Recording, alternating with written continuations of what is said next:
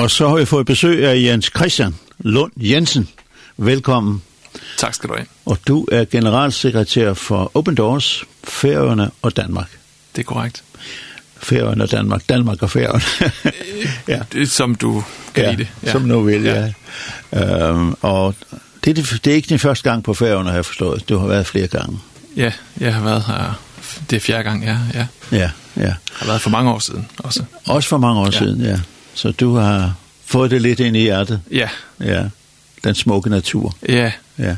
sproget. Og sproget også, ja. Menneskene, ja. Ja, ja det er helt anderledes. Uh, Jens Christian uh, arbejder som... Uh, generalsekretær i Open Doors, det skal man ikke sådan tro lå lige til højre benet. Det er vel nærmest, uh, hvis man siger det er godsøjne, et kald, for det er jo ikke sådan noget, man bare lige går ind i. Nej. Hvordan jamen, kom det der, at du ville ønske at være det? Jamen, øh, jeg har lavet noget andet i mange år. Øh, jeg har faktisk været skoleleder øh, på en kristen friskole. Og øh, ja, så gik det faktisk sådan, så jeg blev fyret for det job, efter at have været der i mange år. Og så skulle jeg finde et nyt job. Så fandt jeg også et andet job inden for skoleverdenen.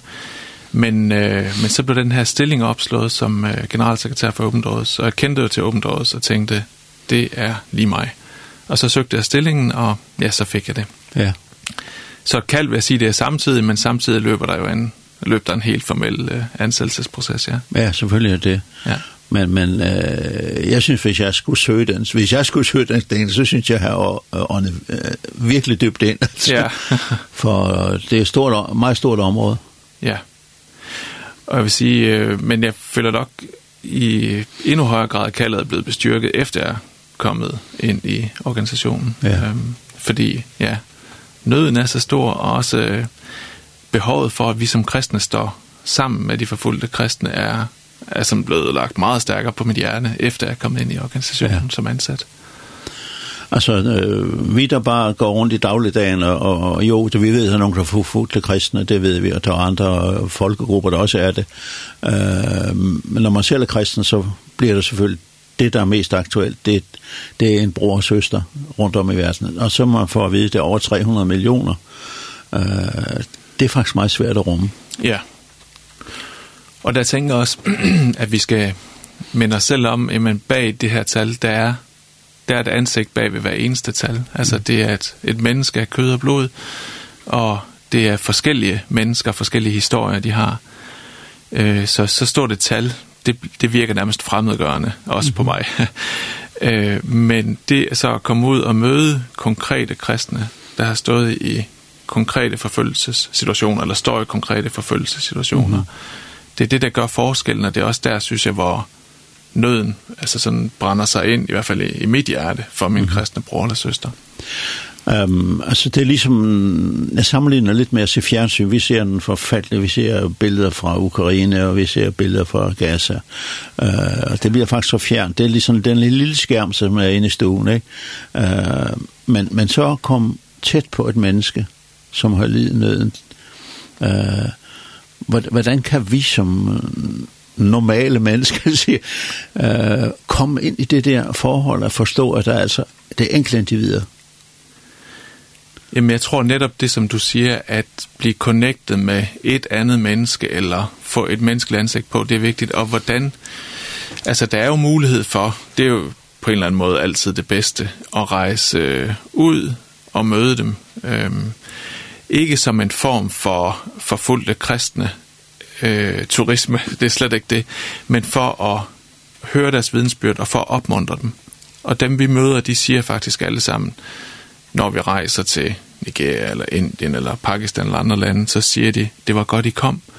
Fordi nu er der nogen, der har set, hvad vi står i, og I skal rejse hjem og fortælle det.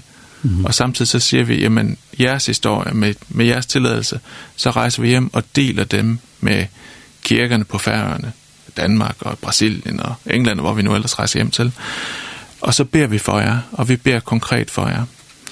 Så det er en måde, man kan forbinde sig med de forfulgte ja. kristne på at rejse ud, men ellers så er der jo mange andre måder, vi prøver at informere og også kalde til bøn på færøerne øh, og andre steder i verden for de forfulgte, ved at ja, sætte ansigtet på, dele deres vidensbyrd, øh, opfordre til bøn igennem en daglig bedekalender, for eksempel, hvor der kommer en ny lille historie hver dag, en ny fortælling fra den virkelige verden.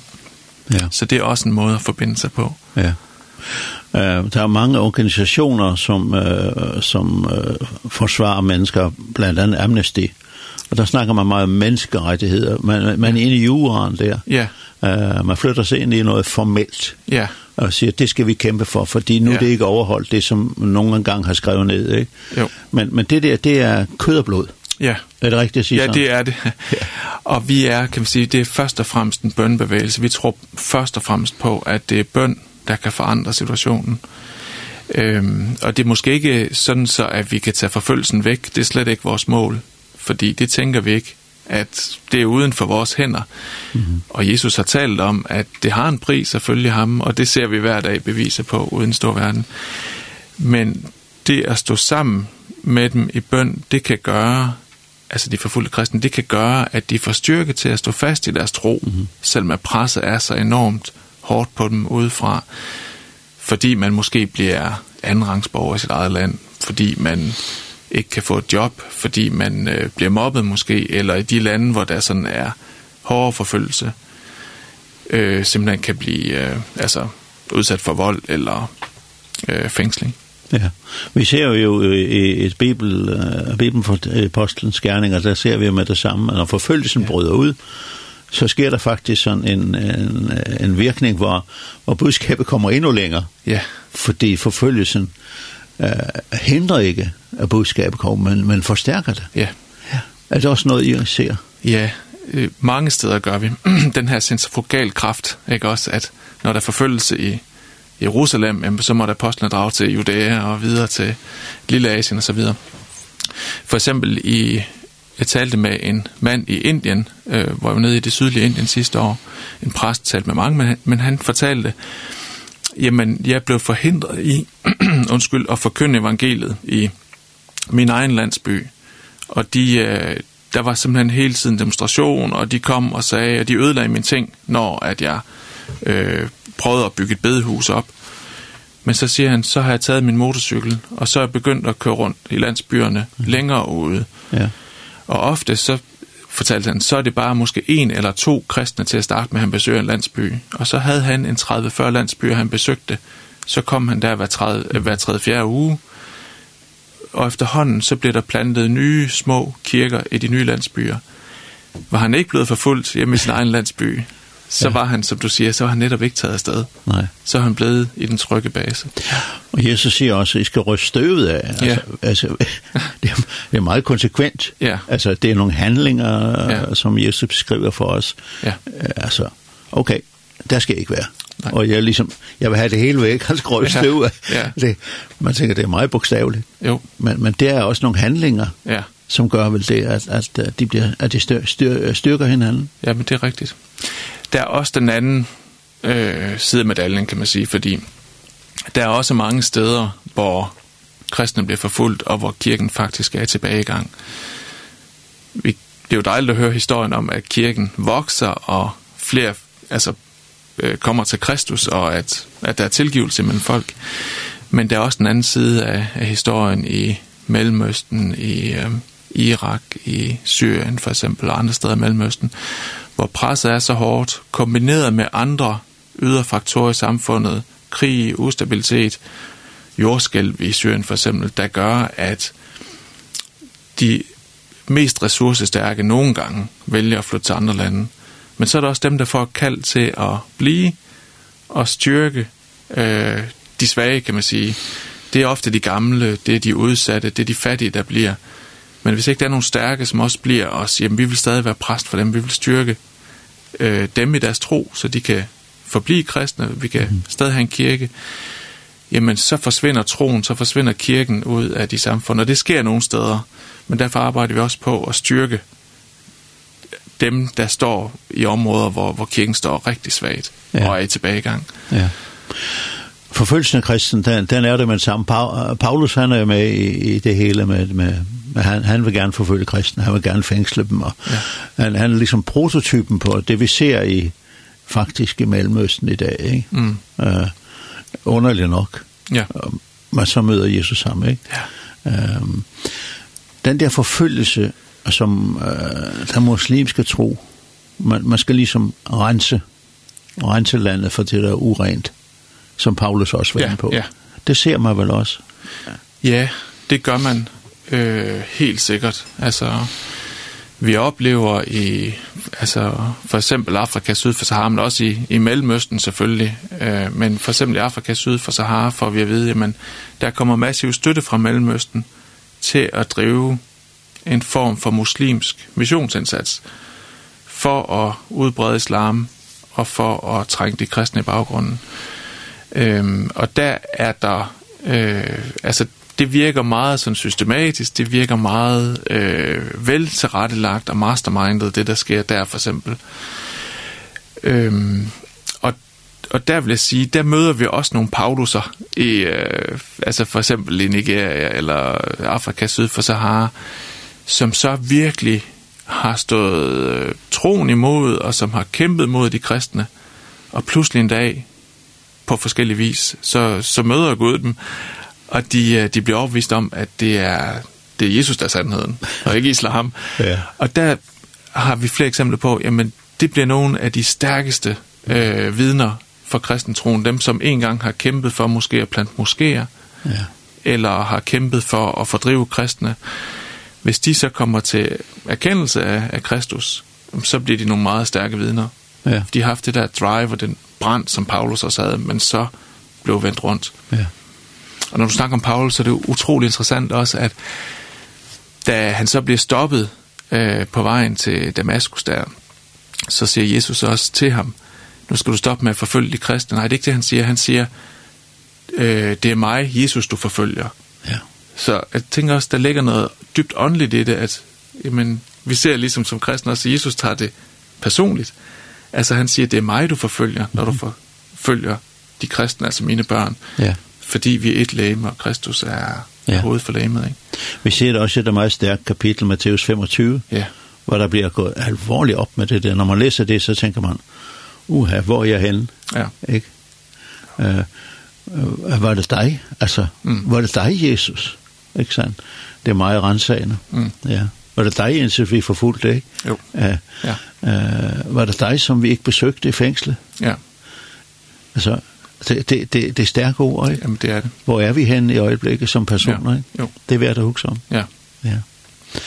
Øhm, um, tag fat lidt på, uh, på de enkelte lande. I har jo den der liste, hvor I uh, hvert år, så bliver der gjort op, så åbent års åbner for en, der er en undersøgelse, som siger, placerer øh, landene i en rangorden fra nummer 1 til øh, noget i 70'erne et eller andet sted, tror jeg det er, ikke? Jo. Øhm, jo, 78 lande. 78, ja. Og øh, så kigger vi på listen, og så er der nogen, der, der er røde, orange, farve, gule, ikke? Og så ser vi på kortet, der er noget, der er gråt, der vil sige, der er ingen forfølgelse. Og så ser vi, og det er Europa, øh, Nordamerika, Sydamerika, store del af Sydamerika, hvor vi også ved, der har været væk, store vækkelser, meget store vækkelser. Og øh, så Sydafrika, øh, og så er der nogle lande midt inde i, og Mongoliet for eksempel, Mm. Der forfølger man ikke kristne. Nej. Nej. Nå, det var da underligt. Mm. øh, omklamret af andre ting, ikke? Jo. Og listen, den begynder så for med, med Nordkorea. Ja. Hvordan er forholdene egentlig der for en kristen i Nordkorea? Jamen det er jo, det har i mange år været, øh, kan man sige, øh, det værste sted at være kristen i hele verden. Forstået på den måde, at øh, der er en, en anden, øh, altså der, det er en totalitær magt, der har det, da Kim Jong-il kom til, øh, på trods af at han faktisk var vokset op i en kristen familie, øh, vender han sig mod kristendommen stærkt inspireret af kommunismen, men, men ud, øh, viklet sig på en eller anden måde, der tilbage i 50'erne, sin egen, øh, øh, sin egen øh, tro og totalitær måde at være et land på. Og det har ramt de kristne utrolig hårdt. Altså det er, hvis ikke du tilbærer lederen, hvis ikke du gør det, som systemet siger, så er du på den forkerte side, så har det nogle meget alvorlige konsekvenser men siger faktisk, at den, krist, eller den øh, religion, der sådan, øh, er udbredt i Nordkorea, den bliver kaldt for Kim Jong-il-ism, øh, fordi at det er den her personkult, og den er bygget på frygt. Så det betyder, at du kan, du kan ikke praktisere en anden tro end den, som regimet foreskriver. Og han har jo, øh, altså den nuværende leder har jo kontrollen både over parlamentet og herren og domstolen og det hele. Så det er en, Det er en totalitær magt. Og hvis du bliver taget i at have en bibel, hvis du bliver taget i bare at have udenlandsk litteratur, hvis du bliver taget i at se udenlandske tv-serier, så er det i strid med de love, der er i Nordkorea. Øh, man lavede for et par år siden sådan en lov imod antireaktionær tænkning. Man synes altså, det er reaktionært, at det er mod staten, hvis du læser litteratur fra udlandet. Og det kommer Bibelen selvfølgelig ind under. Og der ser de også de kristne som trussel. Hvis kristen bliver taget i at be, hvis de bliver taget i at øh, samles til bøn, lovprisning, øh, så er der to muligheder. Det vi ser, det er enten, at de bliver fængslet, og det ender ofte med øh, langvarige ophold i koncentrationslignende arbejdslejre, ja, ja. eller at de bliver henrettet på stedet. Og hvordan kan vi så vide det? Jamen, vi får nogle underretninger ud fra flygtninge, der kommer ud fra, fra lejrene, eller undskyld, ud fra Nordkorea, ikke? Og nogle af dem har så oplevet de her ting. Øh, mange af de flygtninge, der så kommer ud af Nordkorea, flygter sig til Kina og bliver desværre også sendt tilbage igen. Mm. Og så står de igen over for det samme problem. Så det er et, et land, hvor der er en enorm, ikke bare pres, men også direkte vold imod kristne. Mm det er svært at forstå, ja, ja. at det kan være på den måde. Ikke? Det. Um, hvor længe kan så noget holde? Uh, det har været så mange år, ikke? Jo. Ja. Og, og presset enormt på de troende. Ja. Ved man noget om, hvor mange troende der er? Det er et skøn. Vi estimerer, at der er mellem 3, øh, 300 og 500.000 kristne i Nordkorea. Og et eller andet sted er det paradoxalt, fordi det blev tidligere kaldt for Østen Jerusalem, Østens Jerusalem. Der har været mange kristne tilbage før øh, Koreakrigen. Øhm, men øh, altså, der var en vækkelse i, i starten af 1900-tallet. Men, øh, men de, er, de er fortrængt, de kristne. Ja.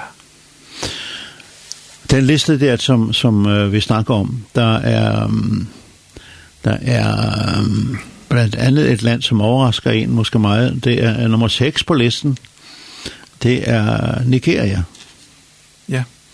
Så man tænker, det er jo et, et land i Afrika, som man vil da synes øh, var et land, der var øh, veludviklet med, med alle muligheder og fri, frihed og sådan noget. Så pludselig så er der, så er der en, så en nummer 6 på listen. Mm. Hvordan er de forhold i Nigeria? jeg var i Nigeria her i august måned og så nogle af forholdene. Nigeria er, som du også antyder, Preben, det er øh, det land i Afrika, hvor der er flest kristne. Man regner med, at der er omkring 100 millioner kristne. Og hvordan kan der så være forfølgelse? Det er faktisk en lille majoritet, der er kristne i det land. Øh, så vi regner med, at der er flere, i hvert fald nominelt kristne, end der er muslimer. Øh, men oppe nord i Nordnigeria, der har der i mange år været et, øh, en overvægt af muslimer, men også øh, islamistiske grupper, som har ønsket at udbrede øh, sharia-lovgivning, og som har kørt jihad, altså hellig krig, imod de kristne og dem, som ikke rettede ind. Øh, og der siger de kristne ledere selv, som vi talte med dernede, vi har også sovet i timen, vi har ikke øh, gjort nok, og det internationale samfund har heller ikke gjort nok, men for ligesom at stå op imod det. Det har også været et, øh, en frygt for, hvad sker der, hvis vi taler imod det, at de her meget øh, islamistiske grupper breder sig? Er vi så ikke politisk korrekt så videre. og det betyder i dag, op i Nordnigeria, der er der faktisk 12 ud af de 36 stater i Nigeria, som har sharia-lovgivning. Så der er det blevet mere end, end svært at være kristen, praktiserende kristen. Øh, Så hvor forfølgelsen før var i Nordkorea imod de kristne, så er den rykket ned nu til det centrale Nigeria, hvor der i mange af staterne der er en overvægt af, af kristne. Undskyld, men der kommer simpelthen øh, Boko Haram, som er sådan en islamistisk gruppe, der kommer øh, islamistiske Fulani-grupper, det er sådan en stamme, der lever i, øh, i Centralafrika der. Og så kommer de og, og angriber de kristne og fordriver dem. Øh, og det er med, øh, altså det med vold, det med natlige angreb, hvor de øh, dræber de kristne. Vi var ude og se et område, der var blevet angrebet i april, maj, juni sidste år. Og der kørte vi i halvanden time i en bil igennem et område, hvor der var landsby på landsby, hvor alle husene var brændt ned eller ødelagt. Og øh, det var et område, hvor der var Altså det var kristne, der boede i de her landsbyer. Og de fortalte, at det der skete, det var, at øh, de her Fulani-hyrder, de kom om natten i deres pickups og deres, med deres AK-47, og så udførte de simpelthen massakre på befolkningen. Der er selvfølgelig nogen, der nåede at flygte, og de bliver så fordrevet og er i øh, flygtningelejre. Og så gik man videre, og så brændte man kirken ned som det første meget systematisk kirken. Og der kan vi også se, men det er det er det kristne, man også er imod.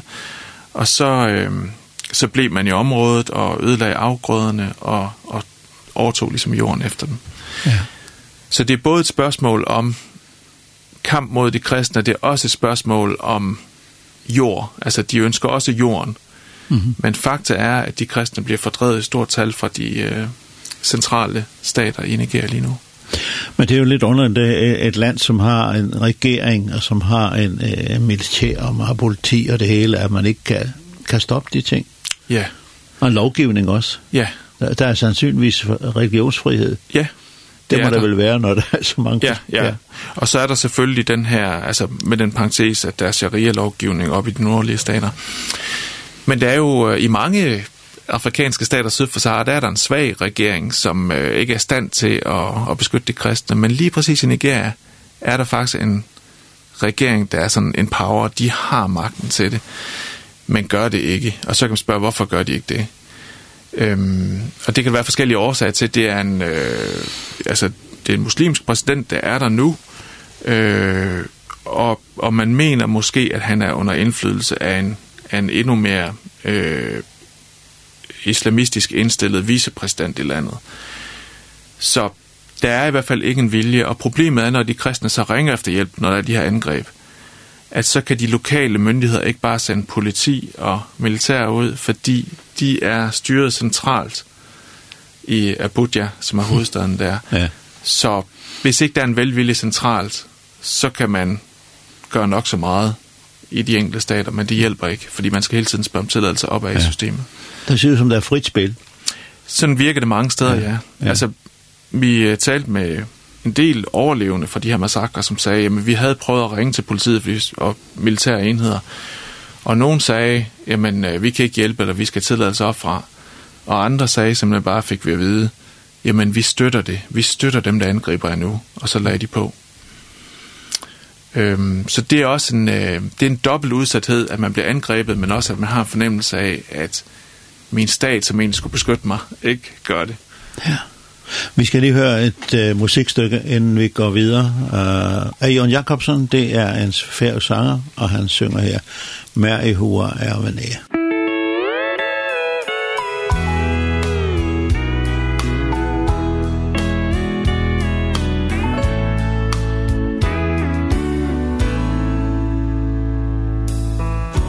som engan trobult kjennist Løyve her og folk Ta i sorgar birur benda Med tilknutja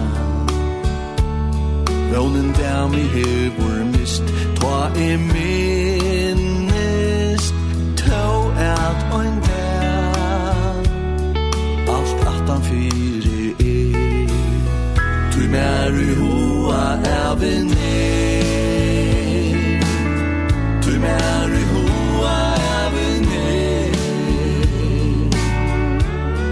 Her er jeg ikke ser Voi det bojar mer? Torst og signa kuldar sted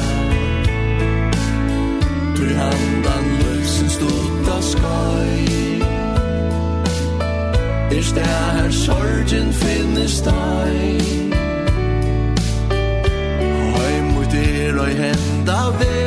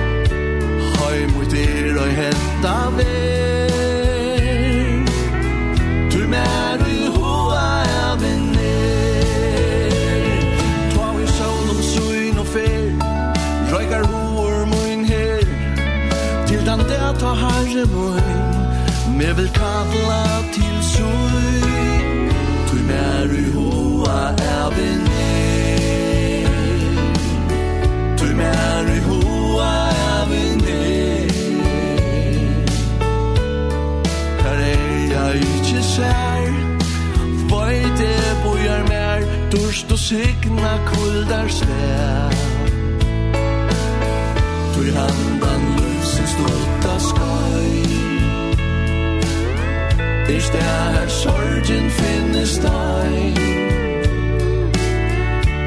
Høy mot er og henda vel Du mer og i hoa av en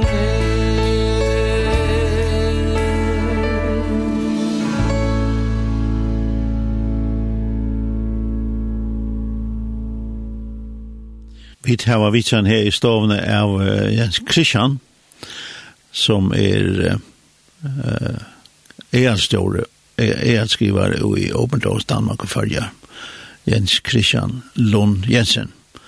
Og Jens Christian, vi snakker litt om uh, forskellige lande og på jeres liste. Uh, og der, det er et land, som uh, mange af os romantiserer litt om, det er Indien. Uh, og så plutselig kommer der en historie om Ashia Bibi, som har drukket vand af et forkert glas mm. og får en dødsdom. Uh, hun er kristen, mm. og uh, det hun har gjort, det hun åbenbart uh, besudler uh, vandet eller et eller andet, som, som uh, gør, at uh, nu skal hun dømmes til døden. Og der er skrevet bøger om hende, og der har været en vældig kamp. Og pludselig så får vi øjnene op for, det er måske ikke så romantisk i Indien alligevel. Mm. Og du har været derude? Ja, jeg var der sidste år var i det sydlige Indien. Fortrinsvis var også lidt op i, i det nordlige Indien, men fortrinsvis det sydlige, hvor vi fik mulighed for at tale med en række lokale øh, forfulgte kristne. Ja.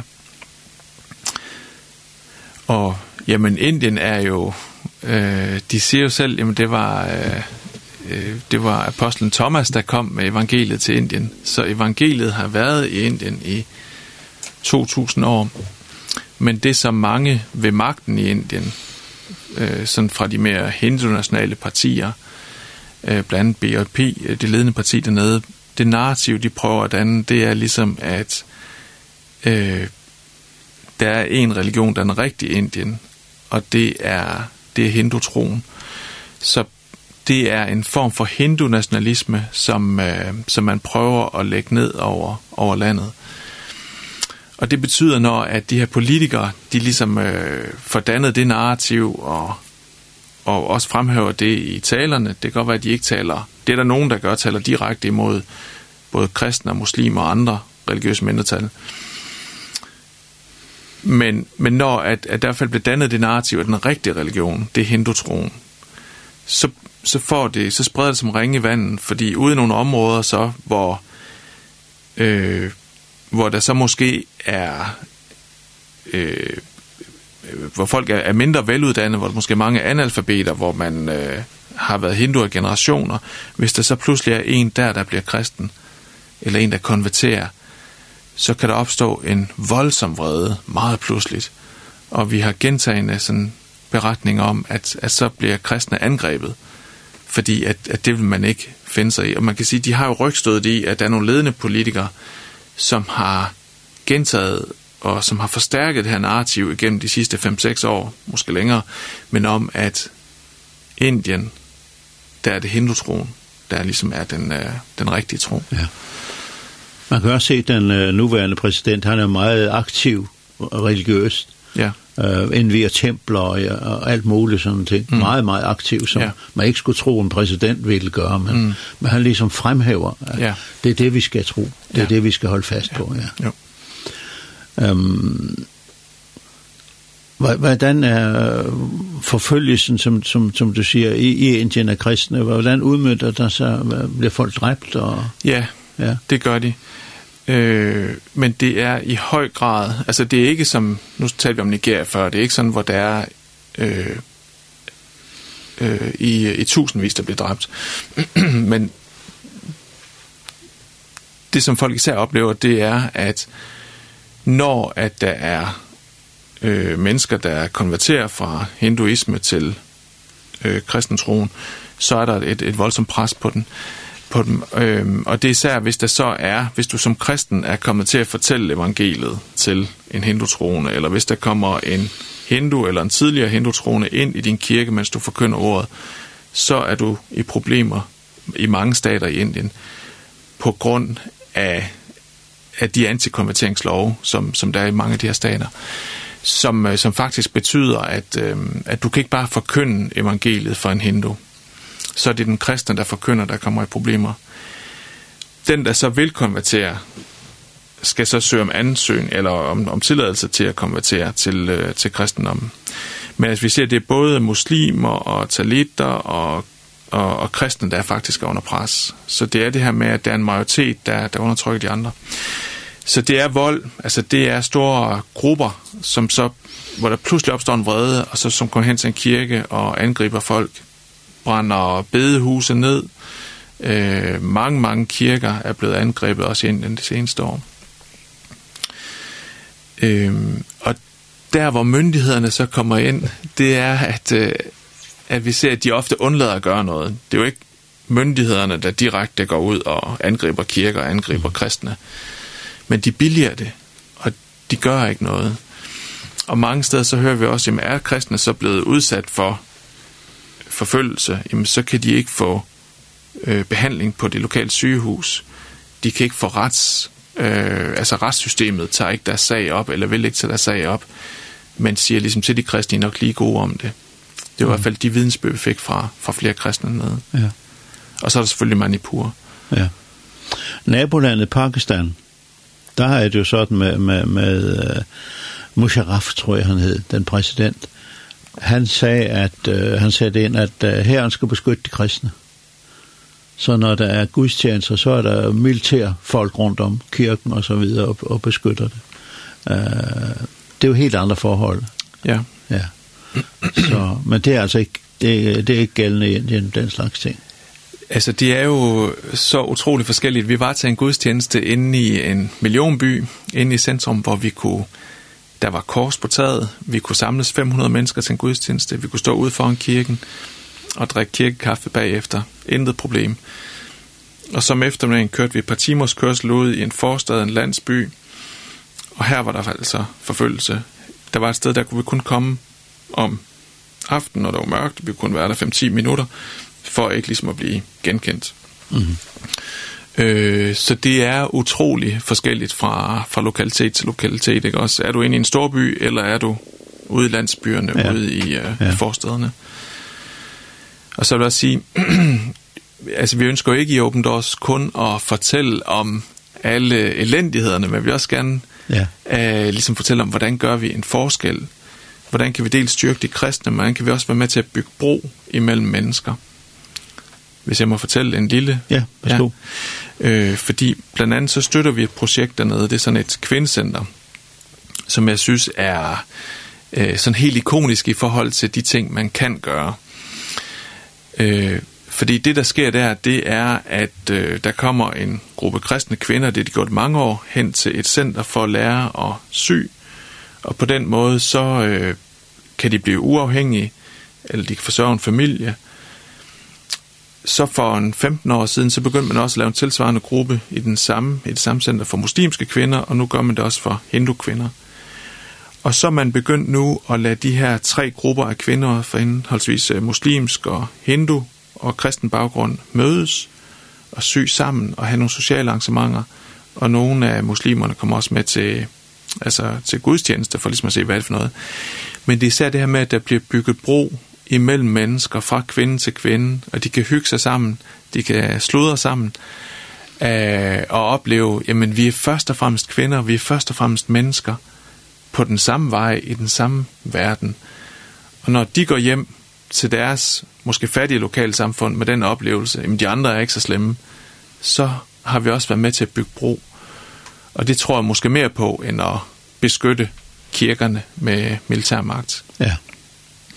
Um, det hele begyndte med, med uh, broder Andreas, ja.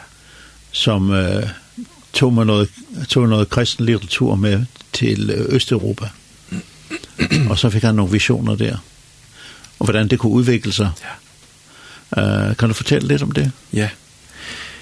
Altså, bror Andreas, han var, han var en, øh, eller Anne van der Bill, som han rigtig hed. Uh, han var en ung hollandsk mand, som uh, fik et kald fra Gud, undskyld, og en vision om at, øh, at drage over bag jerntæppet, som det hed dengang. Altså, der var jo, det var lukket i det kommunistiske Østeuropa og Sovjetunionen der i, øh, i 50'erne, og helt frem til 89, hvor muren faldt.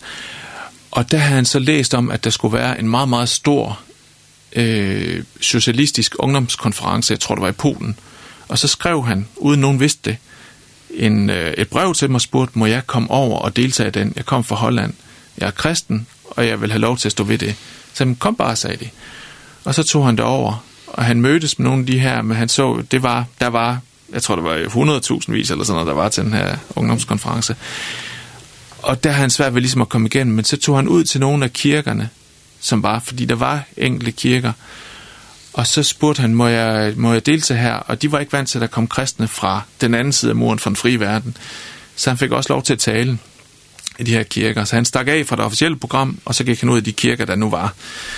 Og så sagde han, jeg vil gerne læse et stykke fra Romerbrevet for eksempel, eller Matteus evangeliet. Og så undrer han sig, fordi de tog ikke Bibelen frem, ligesom de gjorde hjemme i Holland. og så sagde han, mm, I må gerne finde jeres Bibel. Og så kunne han mærke en flovhed.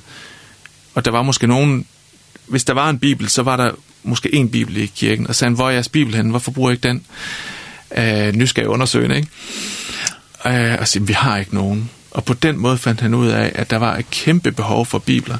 Han havde også øh, kristne pjæser og traktater og sådan noget med. Og det spredte han så ud. Og da han så rejste hjem, så var han klar over, jeg har set noget, som ingen ved, at de simpelthen mangler bibler derovre.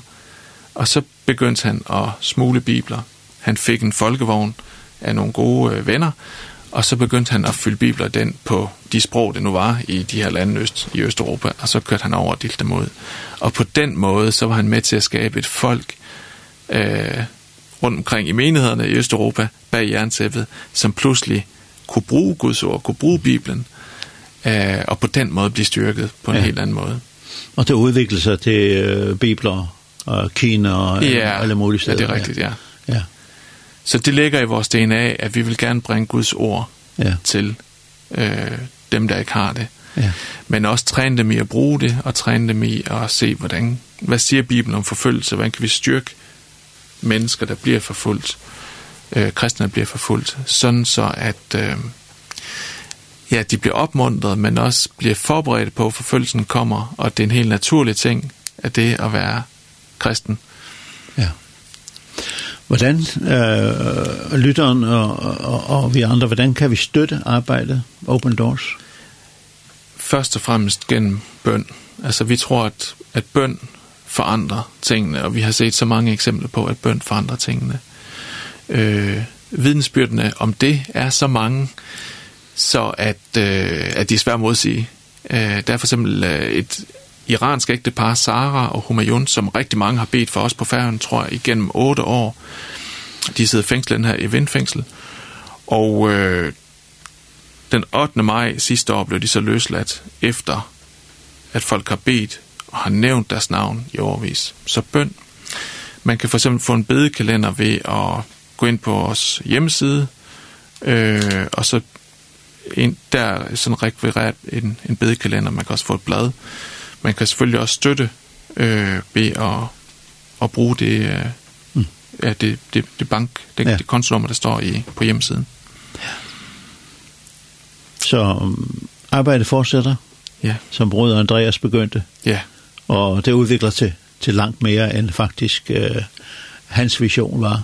Den vokser. Ja, det kan man sige. Ja. Du skal tak for, at du kom øh, her i dag, Jens Christian. Og Tusind vi, tak. vi slutter med et, et, et færøsk eh Sveine Præstgær. han hedder, der hedder Jesus. Jesus, tak, du frelste min og sal. Tak for, du frelste min sjæl. Tak for, du kom. Tak fordi jeg måtte.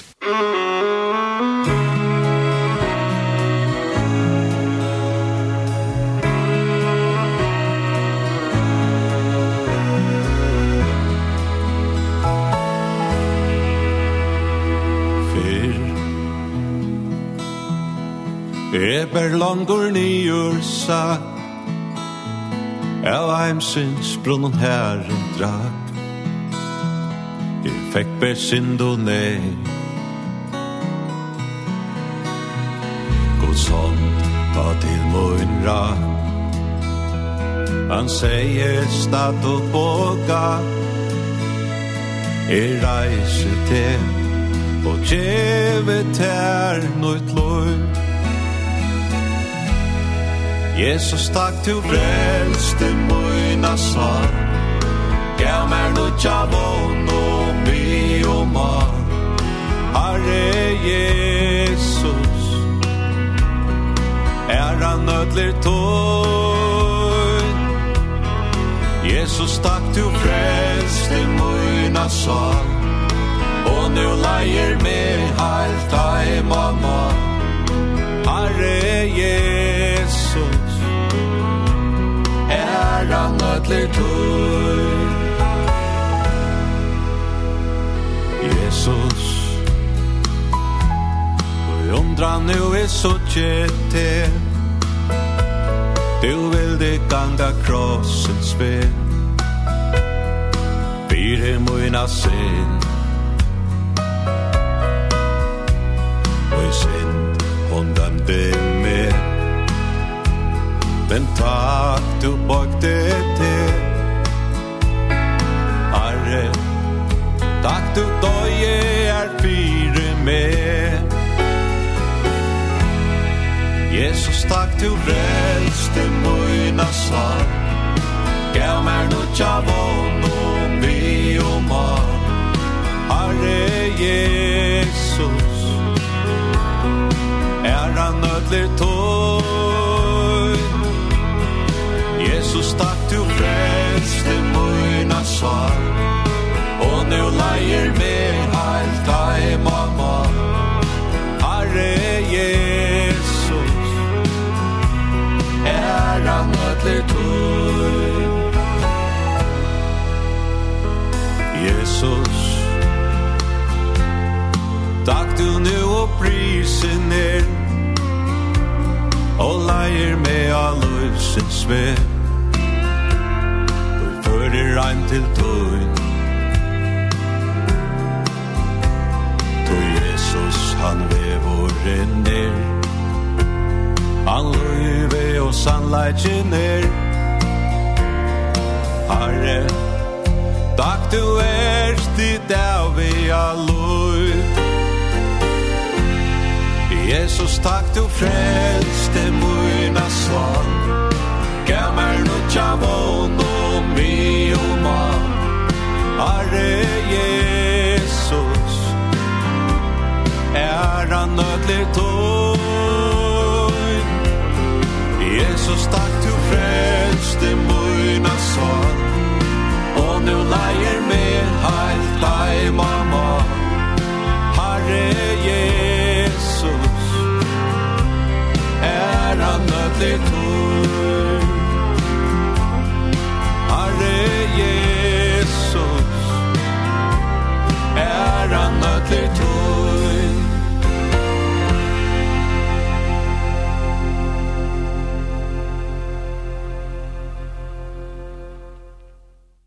Vi tar det Svein Preske, og det var at han har vitsen av hjelpskrivan for Open Doors, Danmark og Følger.